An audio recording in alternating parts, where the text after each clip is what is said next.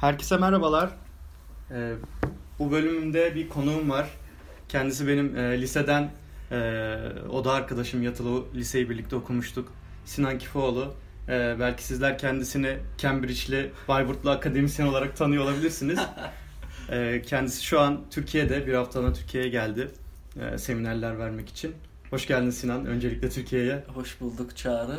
Bir ek bilgi. Aynı zamanda sınıf arkadaşıyız. Aynen. Liseden. Aynen. hem o da hem sınıf. 24 saat beraberdik bir zamanlar. Aynen. Sonrasında da üniversitede yine ben İstanbul'daydım, sen Ankara'daydın ama yine de yakın görüştük yani sürekli. Sonrasında e, sen yurt dışına gittin. İstersen kendin biraz anlat e, Ee, geçmişini. İşte okul bitince yurt dışına gittim. Finlandiya'da biraz okudum, çalıştım. Şimdi de İngiltere'de hem okuyorum hem çalışıyorum. Okumanın yaşı yok. Her gün öğreniyoruz bir şeyler. Ee, liseden arkadaşlarımla hala irtibat halindeyim. Özellikle oda arkadaşlarımla. Ve bugün sizlere bir ses kaydı neyle alakalı Çağrı? Konuyu Aslında e, konuyu ben şöyle düşündüm biraz. Senin enerji e, politikalar üzerine çalışmaların var. İşte verdiğin bazı dersler var.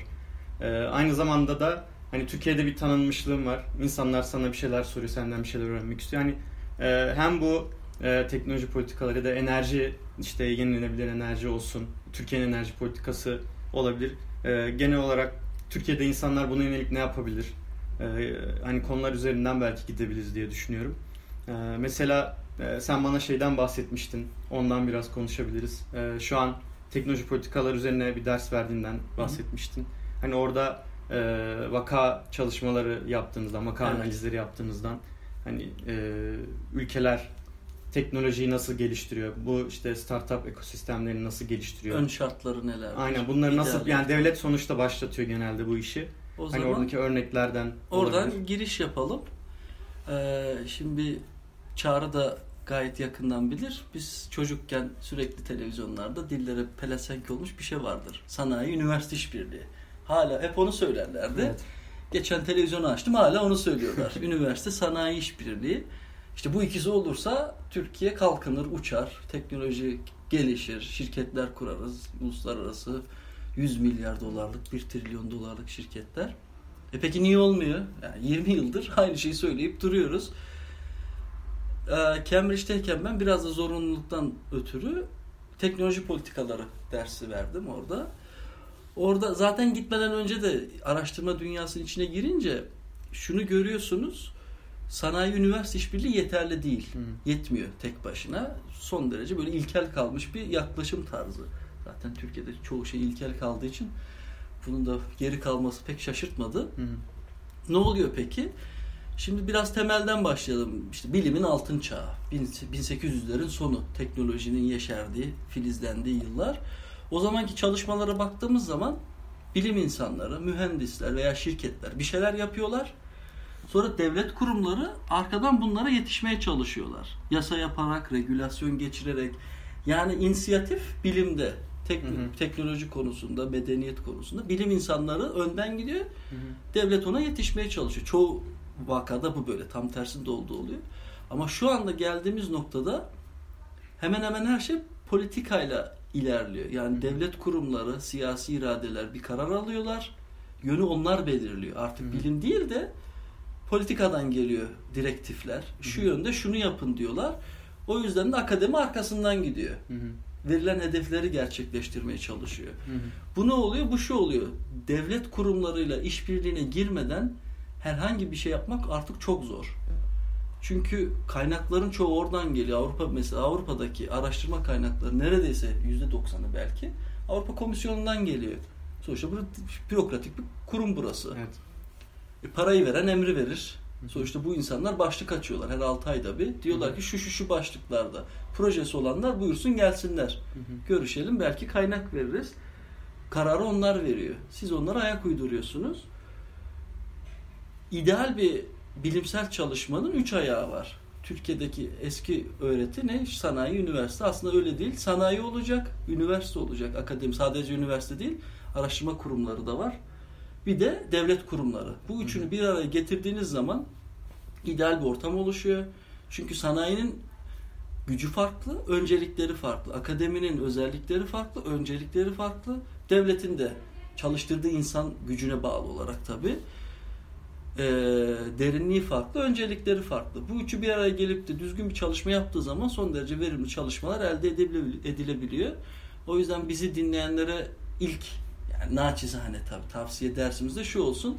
Artık bu sanayi üniversite işbirliği ne diyelim efsanesini geride bıraksınlar. Hı. Bu üç ayaklı bir çalışma olacak. Sanayi, üniversite ve devlet kurumları. Ya kurumu işin içine sokmadığınız zaman şu anda çalışma yapmanız çok zor. Anladım. Ee, bana biraz şey gibi geliyor. Ee, hani bilimin altın çağından bahsettin. Ee, o dönemde sanki biraz daha bilim adamı ile mucit ve girişimci hani aynı kişi bile olabiliyor bazen yani hani bunun örnekleri var mesela Edison var işte ne bileyim Tesla var. Hani artık akademi biraz böyle sanki o gerçeklikten de biraz e, ayrışmaya başladı bir yandan. Çünkü şeyden dolayı o kadar özelleşiyorsun ki artık hani onu da yapayım bunu da yapayım diye bir şey yok. Çok spesifik bir alana gidiyorsun. O yüzden işte devlet seni bir şekilde e, yönlendirmesi gerekiyor ya da işte o sanayiyle bir araya getirmesi gerekiyor. E, yani benim aklıma sen anlatırken öyle bir şey geldi. Yani orada bir e, artık akademi her alanda çok özelleştiği için e, devlet onları bir şekilde bir araya getirmeye çalışıyor. Yani interdisipliner çalışmalar yaptırmaya evet. çalışıyor. Aslında Türkiye'de biraz e, bu, bu yönde çalışmalar başladı benim bildiğim kadarıyla. Özellikle bu teknokentler üzerinden hani o üniversite sanayi işbirliğini artık devlet böyle biraz daha organize ediyor. Ediyor. Aynen bakanlıklar işte fonlar açıyor. İşte ihracatı arttırmaya yönelik e, destekler veriyor şirketlere falan. Ama benim gördüğüm mesela Türkiye'de hissettiğim e, akademi tamam bir şeyler yapmaya çalışıyor. İşte sanayi bir şeyler yapmaya çalışıyor. Ama pazara açılmada bizim çok sıkıntımız var gibi görüyorum ben yani. Orada e, belki e, hem devlet politikası olarak hem de şey olarak hani bizdeki o girişimci ruh herhalde yurt dışındaki pazarda şey oluyor bir şekilde e, kendini uyarlayamıyor yani. Rekabet edemiyor. Yani rekabet edemiyor olabilir. Ama hani mesela yurt dışında başarılı yurt dışında olamayanlar var. Hani bu tarz örnekler görüyorum genelde. Şimdi ee, teşhisin doğru. Az önce dedim problem sorduk. Yani sanayi üniversite işbirliği gerekli. Tamam yapıyoruz. Niye peki baş- başarılı olamıyoruz? Hı hı. Türkiye'de niye teknoloji filizlenip gitmedi? Hı hı. Güney Kore başarısı ortada. Singapur, Estonya hepsi bunların birer başarı hikayesi. Finlandiya 80'lerin başında zenginleşmeye başlamış bir ülke. E demek ki bir şeyleri yanlış yapıyoruz. E neden sorusunu sormamız lazım hı hı. ki problemi çözebilelim. İnsanoğlu neden diye sormasaydı bugün herhalde mağaralarda resim çizmeye devam ediyor olurduk. Peki neden olmuyor? Türkiye'de teknoloji neden filizlenmiyor? Bunun temel sebebi sanırım yine tabii işte, tabir vardır pürlü akademik. Bizim akademiden gördüğümüz kadarıyla söyleyeceğim. Belki gerçek hayatta durum sen daha iç içesin teknolojiyle. Sen daha iyi görürsün tabii ki problemleri. Peki biz derste ne okutuyoruz? Hı hı. Bir ülkede bu startupların alıp başını gitmesi için ne, neler gerekli? O zaman ben sana soru sorayım. Demokrasi gerekli midir? Demokrasi şey evet. için mi bu? Yani, yani bir teknolojinin yerlemesi. gelişmesi, bir ülkenin zenginleşmesi için bütün halk tabakalarının sadece üst kesimin değil tamamının zenginleşmesi için demokrasi şart mıdır sence? Yani şart olmayabilir tabi eğer ki doğru planlama ve e, kaynakların e, kullanımı doğru şekilde kanalize edilebilirse hani merkezi bir otorite ya da işte hani meritokrasi mesela Çin bu şekilde ayağı şakaklı deniyor. Bravo. Ee, öyle bir yola da gidilebilir Bu yani. argümanın en büyük örneği Çin. Çünkü bununla ilgili bir tartışmayı dinlemiştim. Adam biri demokrasi savunucusu. Hı hı. Demokrasi olmazsa zengin, teknoloji olmaz hı hı. diyor. Orada öteki de Çin ne olacak dedi. Çin demokrasi değil. Ama Çinli şirketleri görüyoruz. Hı hı. Her gün bir yenisi geliyor, kapımızı çalıyorlar. Ee, yine kitaptan konuşacağım teknolojinin gelişmesi için, sanayinin gelişmesi için, halkların zenginleşmesi için, bu startup kültürünün tutması için demokrasi şart değil. Hı Üç tane temel şartı var bunların. Birincisi eğitimli insan olacak bir yerde. Tabi burada Hindistan geliyor. Dünyanın en çok eğitimli insanın olduğu yer. Peki Hintliler niye kaçıyorlar dışarı? İkincisi kurumlarınız olacak. İşbirliği yapabileceğiniz, konuşabileceğiniz, karşılıklı oturup problemleri tartışabileceğiniz köklü yerleşmiş kurumlar. Hı hı. Bunun en bariz örneği Araplar, Arap devletleri. Paraları var. Ama kurumsal. Dünyanın bütün üniversitelerinde okutuyorlar. okutuyorlar öğrenci. Bütün akademisyenlere çok ciddi maaşlar veriyorlar. Gelin bizde çalışın diye ama görüyorsunuz herhangi bir teknoloji başarıları yok. Hı hı. Çünkü Arapların kurumları yok. Hı hı. devlet kültürü olmadığı için kurum müessese kuramamışlar. Bir diğeri de belki de en önemlisi işte demokrasinin yerini tutan kanun devleti. Bir ülkede hukukun üstünlüğü ve kanun devleti olacak. Hı hı. Çin mesela bir demokratik devlet değil ama kanun devletidir. Yani sıradan bir Çinli yapacağı herhangi bir eylemin doğuracağı sonucu bilir. Kanundaki karşılığı ne? Veya şu taşı şuraya koymam için ne tür bir kanuni değişiklik yapmam gerekiyor? O yüzden kanun devleti olmak, müesseselerin olması, yerleşmiş kurumların olması ve eğitimli insan olması. Bu üçünü bir araya getirdiğiniz zaman teknoloji yeşeriyor orada. Startuplarınız büyür, hı hı. gelişir. Bir şeyden bahsetmedik dikkat edersen sermaye. Peki sermayeyi niye şart olarak sunmadık Çağrı sence? Sermaye aslında fırsat neredeyse oraya gider. O Aynen. yüzden bravo. sınır tanımaz. Bravo. Yani yine kitapta anlattığımız bizim şu. Eğer herhangi bir devlet veya herhangi bir bölge, bir devlet içinde bir bölge de olabilir. Mesela Kaliforniya'daki Silikon Vadisi Hı-hı. bunun bir örneği. Evet. Veya Estonya devleti başlı başlı bir örnek. Biri devlet, birisi bölge veya şehir olarak Singapur şehri. Hı-hı. Şehir devleti. Hı-hı bir devlet olabilir, bölge olabilir, şehir olabilir. Bunu başarabilirler. Bu üç ön şartı bir araya getirdiği zaman biz diyoruz ki sermaye serseri mayın gibi dolaşır. İşte kan arayan köpek balığı gibi. Hı hı. Kokusunu aldığı zaman o muhakkak gelir. Yani sizin çıkıp da ben startup kurdum işte burada Ankara'da 10 tane teknoparkımız var. 1000 tane startup'ımız var. Dünyanın ilk 100 üniversitede 5 üniversitemiz var. Evet. Sermaye buyursun gelsin demenize gerek yok. Eğer o altyapıyı hazırlarsanız o sermaye kendiliğinden gelip kapınızı çalacaktır. Aynen. O yüzden de yani ön şart olarak ne yazık ki tartışmaları dinliyorum.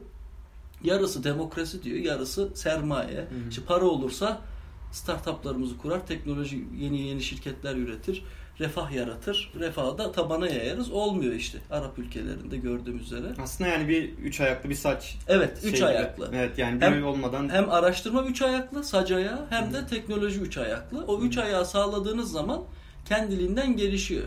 Şimdi Türkiye'yi alalım mesela. Eğitimli insan gücümüz var mı? Soru bir. Sence var mı? Var ama e, mesela şu an e, son birkaç yıldır özellikle kaybediyoruz yani beyin göçü veriyoruz. E, orada Hani bir ara bayağı güzeldi. Hatta tersine beyin göçü falan bile başlamıştır hatırlıyorum. Biz tam üniversiteden mezun olup 2008 hemen krizinden sonrası, dolayı aynen, hemen sonrası. Batı ülkeleri de ekonomi kötüyken biz hani daha nispeten hafif atlattık. O yüzden bayağı gelen insanlar olmuştu. Orada hı hı. büyük bir fırsat vardı aslında. Teptik. Zaten şey de oldu yani bence gene bir atılım oldu. Ama şu an yeni yetişenler ya da mevcut yetişmiş kişiler biraz daha kaçıyor yani. Kaçışı şöyle söyleyeyim. Güzel bir noktaya değindin. 2009'da ben mezun olduğumda bizim bölümümüz birincisi bir kızdı. Hı hı.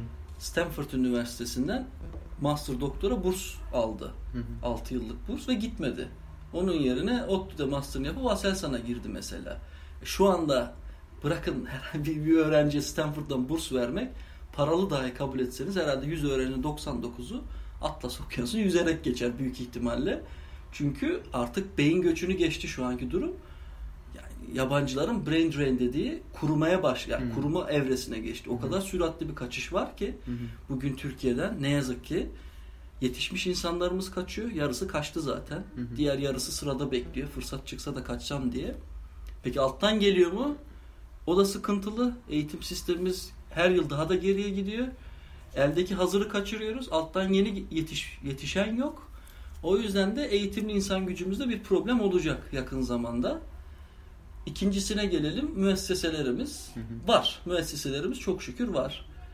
Ee, hem üniversiteler olsun hem devletin araştırma enstitüsü. Yani TÜBİTAK'ımız var. Kötü. Çok, çok destekler tamam, var. Tamam eleştiriyoruz şey yapıyoruz ama TÜBİTAK diye bir kurum var mesela Tabii. Türkiye'de. Hı hı.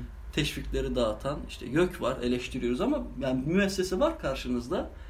Herhangi bir problem olduğu zaman gideceğiniz yeri biliyorsunuz şu anda Türkiye'de. Hı hı. O iyi. Şu an o, o konuda bir sıkıntı yok. Üç numaraya geliyoruz. Belki de beyin göçünün olmasının temel sebebi hukuk üstünlüğü ve kanun devleti olmak. Ne yazık ki son zamanlarda o, o konuda biraz gerileme var. O gerileme de zaten kendisi beyin göçüne yansıtıyor doğal evet. olarak.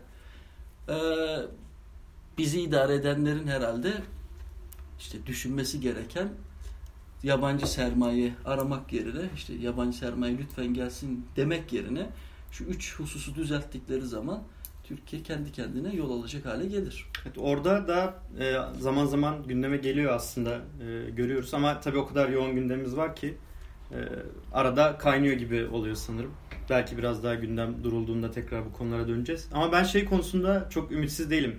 E, gidenlerin geri gelmesi ya da orada hani bir kültür edinip buraya o kültürü bir şekilde e, yansıtabilmesi konusunda çok umutsuz değilim. E, mesela hani böyle örnekler var. Atıyorum bir Türk işte ODTÜ'de okuyor. Hı hı. E, Udemy diye bir şirket var mesela biliyorsundur belki bu online ders e, verme e, sitesi. Yani sen gidiyorsun mesela Sinan Küfeoğlu olarak e, ders açıyorsun online. Bunu para karşılığı ya da bedava hani kendini nasıl istersen veriyorsun. E, bunu Eren Bali diye bir ODTÜ bilgisayar mühendisiydi sanırsam mezunu bir girişimci kuruyor. Önce Türkiye'de kuruyor. Türkiye'de işte o bahsettiğin sıkıntılardan ya da pazarın henüz hazır olmaması, olmamasından dolayı e, şirketi istediği yere getiremiyor. Kalkıyor pılını pırtısını toplayıp Amerika'ya gidiyor. Hı hı. Orada işte yatırımcı arıyor böyle çalışıyor didiniyor filan. Şimdi milyar doların üstüne değerlemesi olup hani exit etti hatta yani hisselerini satıp çıktı. Şimdi sağlık alanında bir şeye girdi. Mesela Udemy'nin Ankara'da da bir ofisi var. Hani o e, kültürü bir şekilde buraya yansıtabilirse o burada da hani o girişimcilik e, şeyinin e, ekosisteminin canlanmasına katkı sağlar ama dediğin gibi tabii bu e, üç sac ayağını her zaman sağlam tutmak gerekiyor ki e, bu kaçışları ya da işte Türkiye'de bunların tekrar filizlenmesini sağlamak lazım. Mesela Hindistan örneğini verdim. Hindistan ve- çok göç veriyor ama bir yandan da kendi ülkesinde Yetiştiriyor. yetiştirebiliyor yani. Kaynak var, kaynak alttan geliyor. Evet. Bizim kaynak alttan gelmeyi bırakırsa o zaman ileriye dönük uzun vadede Yani sıkıntı yaratabilir. bence bıraktı gibi. Ya şu anki durumu ben pek parlak görmüyorum. Ben göç konusuna gelirsek de çağrı kimse keyfinden gitmiyor yurt dışına sonuçta burası sizin ülkeniz. Ve bir insanla ana dilinizde konuşmakla yabancı dilde konuşmak arasında çok fark var. Yemekler farklı biliyorsun. Bütün hayat tarzı. Avrupa'da çok üst düzey bir ırkçılık var. Aslında bundan evet ben de biraz e, Yani konuşmak öyle istiyorum. yurt dışına gidenler böyle mutlu mesut bir hayat sürüyorlar. Her, her şey mükemmel değil. Bu bir, bir, bir nevi ehveni şer. Türkiye'deki durum daha kötü. Daha az kötüsünü seçiyorlar. Yani durum düzelirse burada tabii ki insanlar döner. Ama herkes Ben de dönerim. çok farkında bilincinde değil sanki. Yani git, gideceği yerin çok güllük gülistanlık olduğunu zaman nedenler böyle orada Evet. aman işte biz gideceğim Almanya'ya atıyorum Alman böyle. komşularım akşam beni çaya davet edecekler. Yani, Yani şöyle yalnızlığa söyleyeyim, gidiyorsun aslında değil mi? 5 yıl yaşasanız da o Alman sizi akşam çaya davet etmez. Veya bir filmde gelip de gel sana bir sinemaya götüreyim demez. Öyle bir hayat beklemiyor sizi. Evet. Zor bir hayat bekliyor. İkinci sınıf vatandaş muamelesi göreceksiniz. Toplum sizi dışlayacak. Size kara kafa diyecekler. Özellikle kuzeye giderseniz. Orada çok belirgin o değil mi? Herkes Tabii açık tenli olduğu sarışın için. olacağı için hemen kendinizi belli ediyorsunuz. Ben şarktan geldim diye. o yüzden de öyle mükemmel bir hayat yok. evet. Ama dediğim gibi ehveni şer bir şekilde en azından devletten korkmuyorsunuz. Hmm. Bu var sonuçta. İşte ben buraya geldim gelmeden önce Facebook'tan yazdım. Araba almayın bisiklet alın diye. Hmm. Ne işte bisikletle gidin hem sağlıklı olur hem küresel ısınma, karbondioksit salınımı azaltırsınız hem enerji tüketimini arada. Oh, ne kadar güzel harika bir dünya. İstanbul'a geldim toplu taşıma felaket. Ankara'ya geldim toplu taşıma felaket. Hem altyapı eksik hem de hizmeti sunanların size davranışları çok kötü. Öyle olunca da e, ben dedim ben halt etmişim. Türkiye'de yaşamak için araba şart mesela.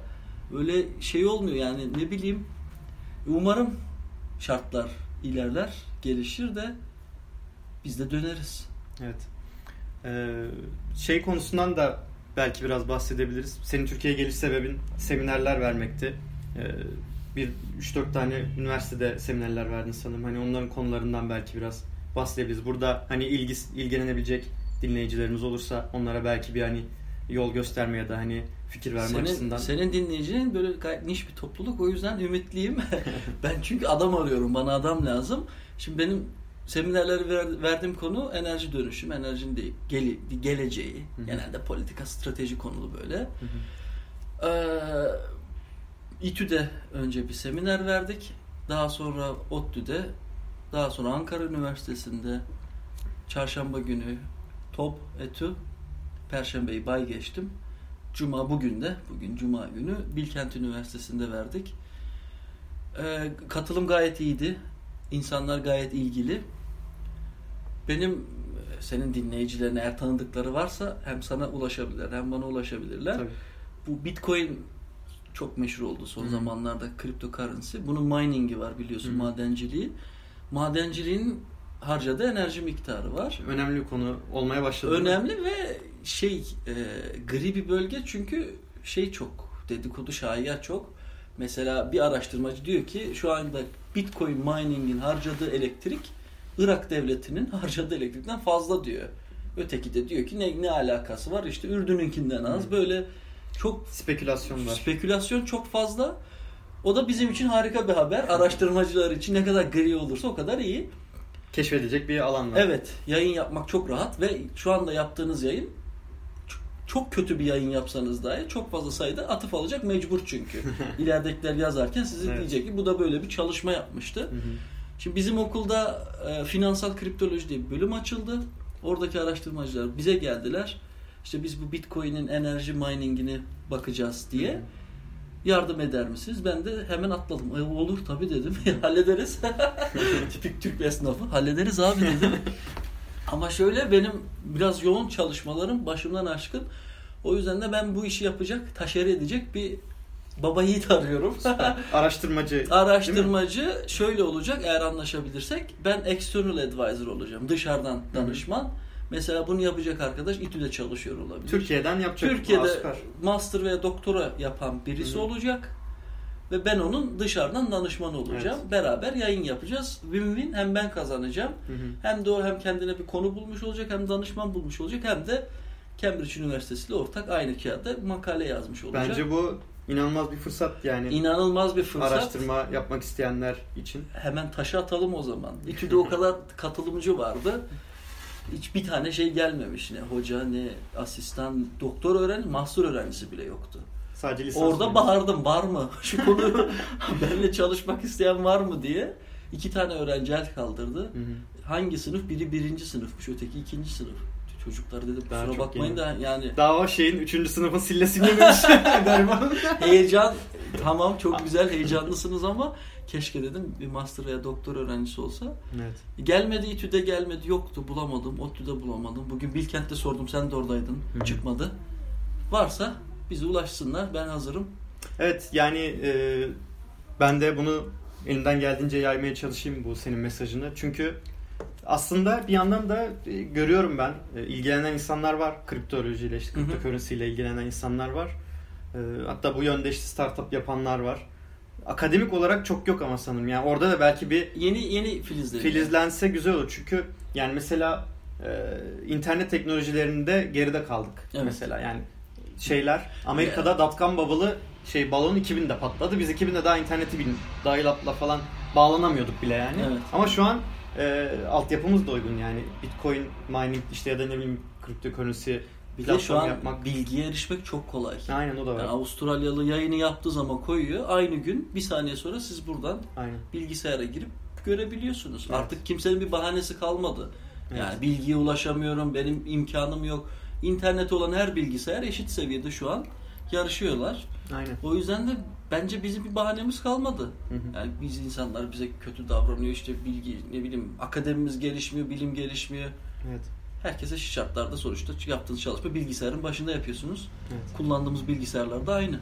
Bir de şöyle bir şey var. Mesela bu işte kriptokörünsi yani onun altında yatan blockchain teknolojisini Hı hı hı. düşünürsek e, çoğunlukla bunlar hani open source açık kaynak yani e, çoğu şey hani nerede kim nerede ne kadar mine ediliyor işte nereye ne kadar transaction oldu yani oradan e, veri çıkarımsal veri oluşturulabilir durumda yani aslında çalışmaya da o açıdan olanak ya gidip de anket yapmana Ha. gerek yok yani. Hani Evet. o oradan da hani çıkarımsal işte o mesela enerji tüketimini düşünelim. Çıkarımsal şeyi çıkarabilirsin. Blockchain söylediğin için aklıma geldi. Blockchain'i biz enerji trading'de de kullanacağız. Hmm. Ee, smart contract duydun mu? Evet. Ha, akıllı Hı hı. sözleşmeler Hı diye bir konsept gelişti. Şimdi şu anda enerji piyasaları merkezi. Bütün enerji dünyasını dağıtılmış hale getirmeye çalışıyoruz. Bildiğiniz üzere dağıtılmış kaynaklar, dağıtılmış sistemler vesaire.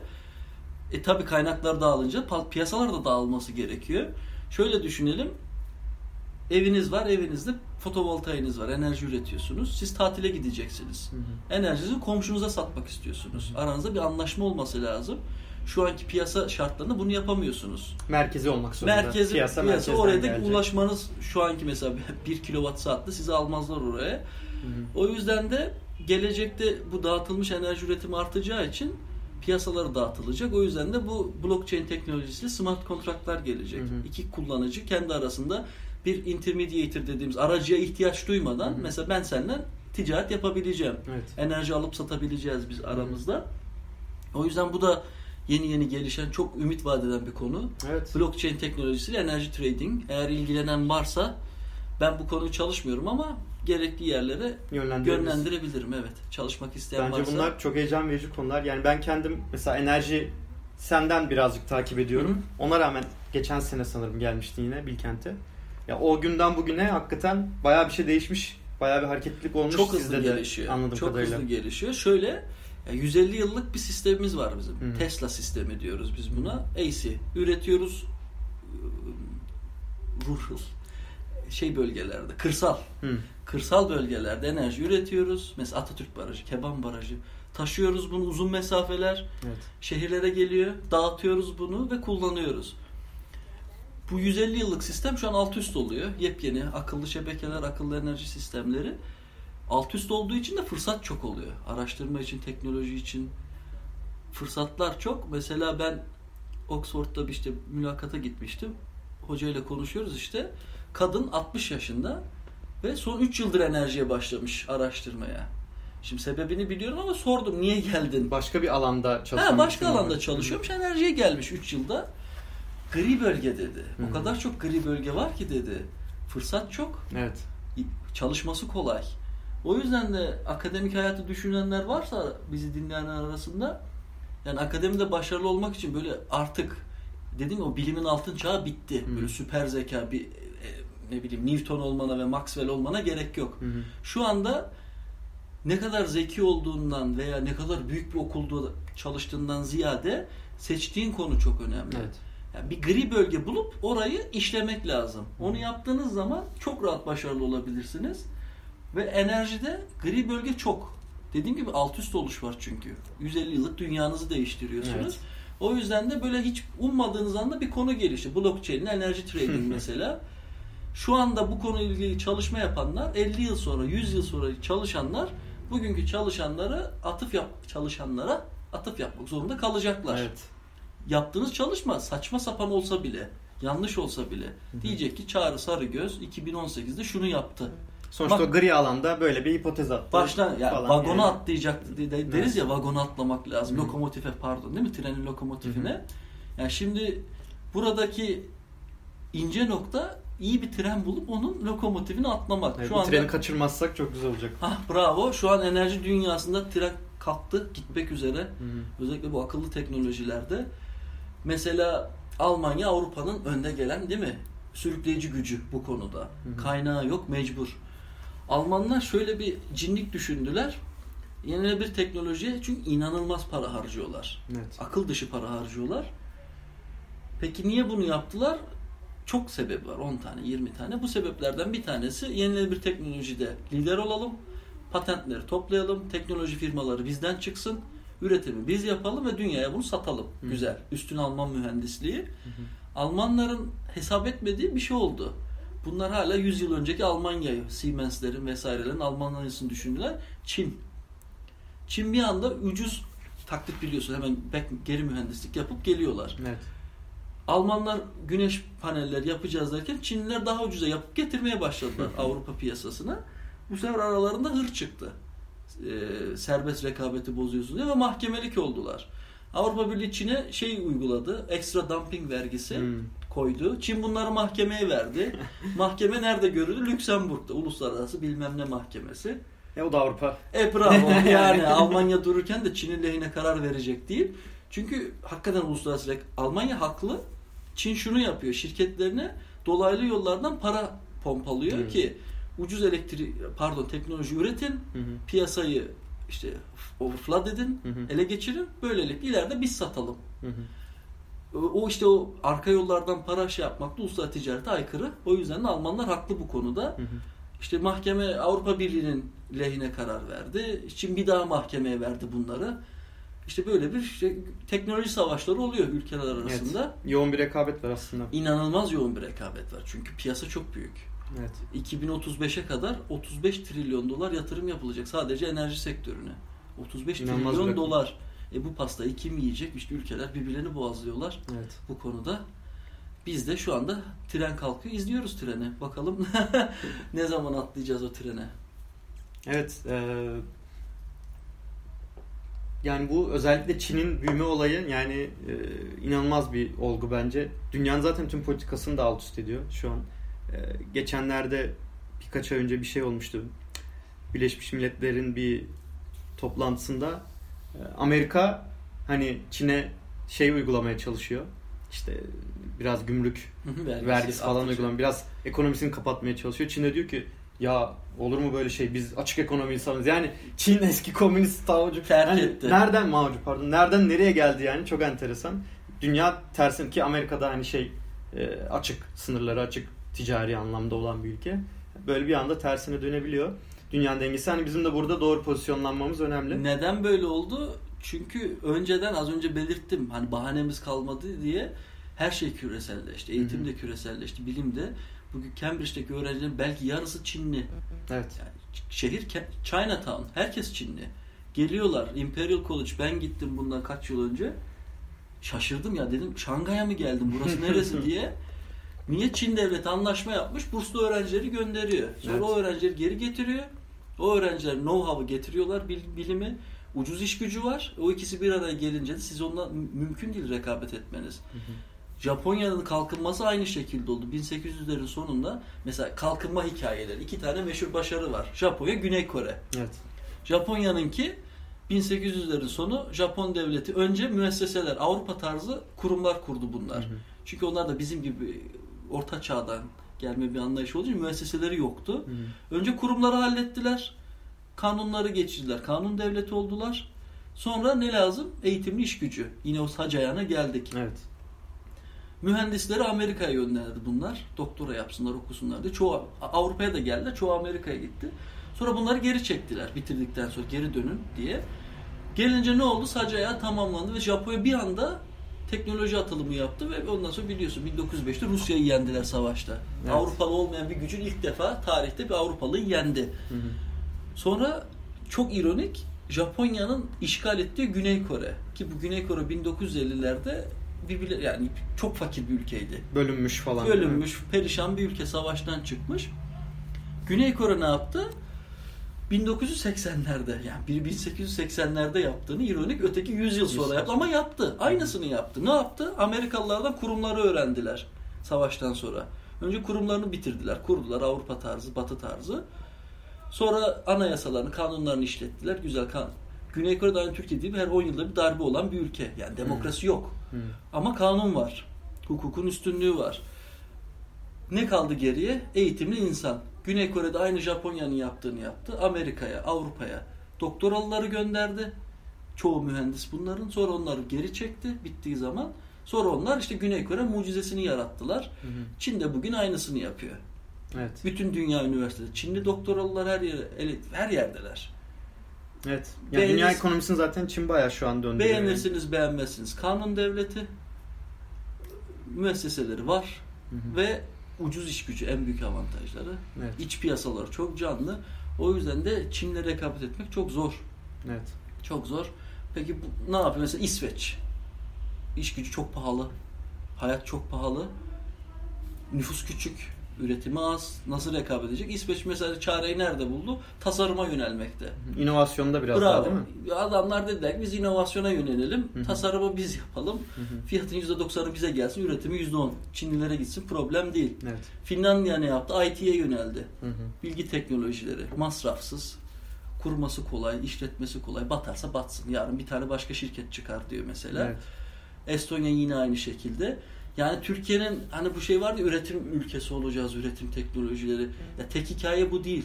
Aslında birden çok hikaye yazılabilir. Evet, yani sadece üretmek zorunda değiliz biz.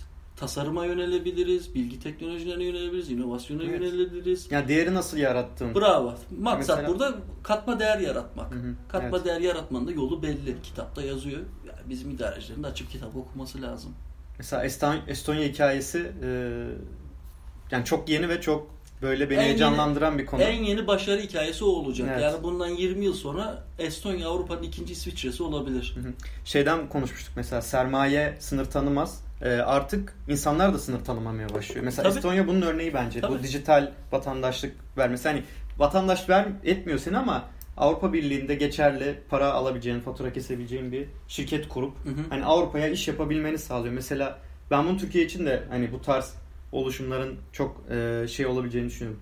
Faydalanabileceğimizi eğer o fırsatı kovalarsak yani sen bir Türk olarak Estonya'da yani 300-500 euro bir para verip çok hatırlamıyorum da masraf çok masraflı bir şey değil yani.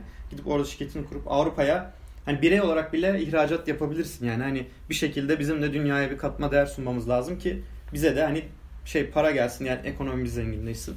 Ee, bir şekilde bizim dünyaya hizmet etmemiz lazım sonuçta yani bunu Peki yapmazsak. Estonya'nın bunu yapması sürpriz mi? Bizi şaşırttı mı? Şaşırtmadı çünkü anayasaya şey soktular biliyorsun. internet erişim hakkını Değil mi? soktular. Evet. Hızlı internet işte bir insanlık hak- şeyidir falan gibi. Vatandaşlık, vatandaşlık hakkı, hakkıdır. Vatandaşlık hakkı Çok önemli bir konu. kodlama dersini ortaokula kadar indirdiler. Evet. Ortaokuldan başlıyor ve Estonya'da bütün halka açık kamu yerlerinde bedava şey var.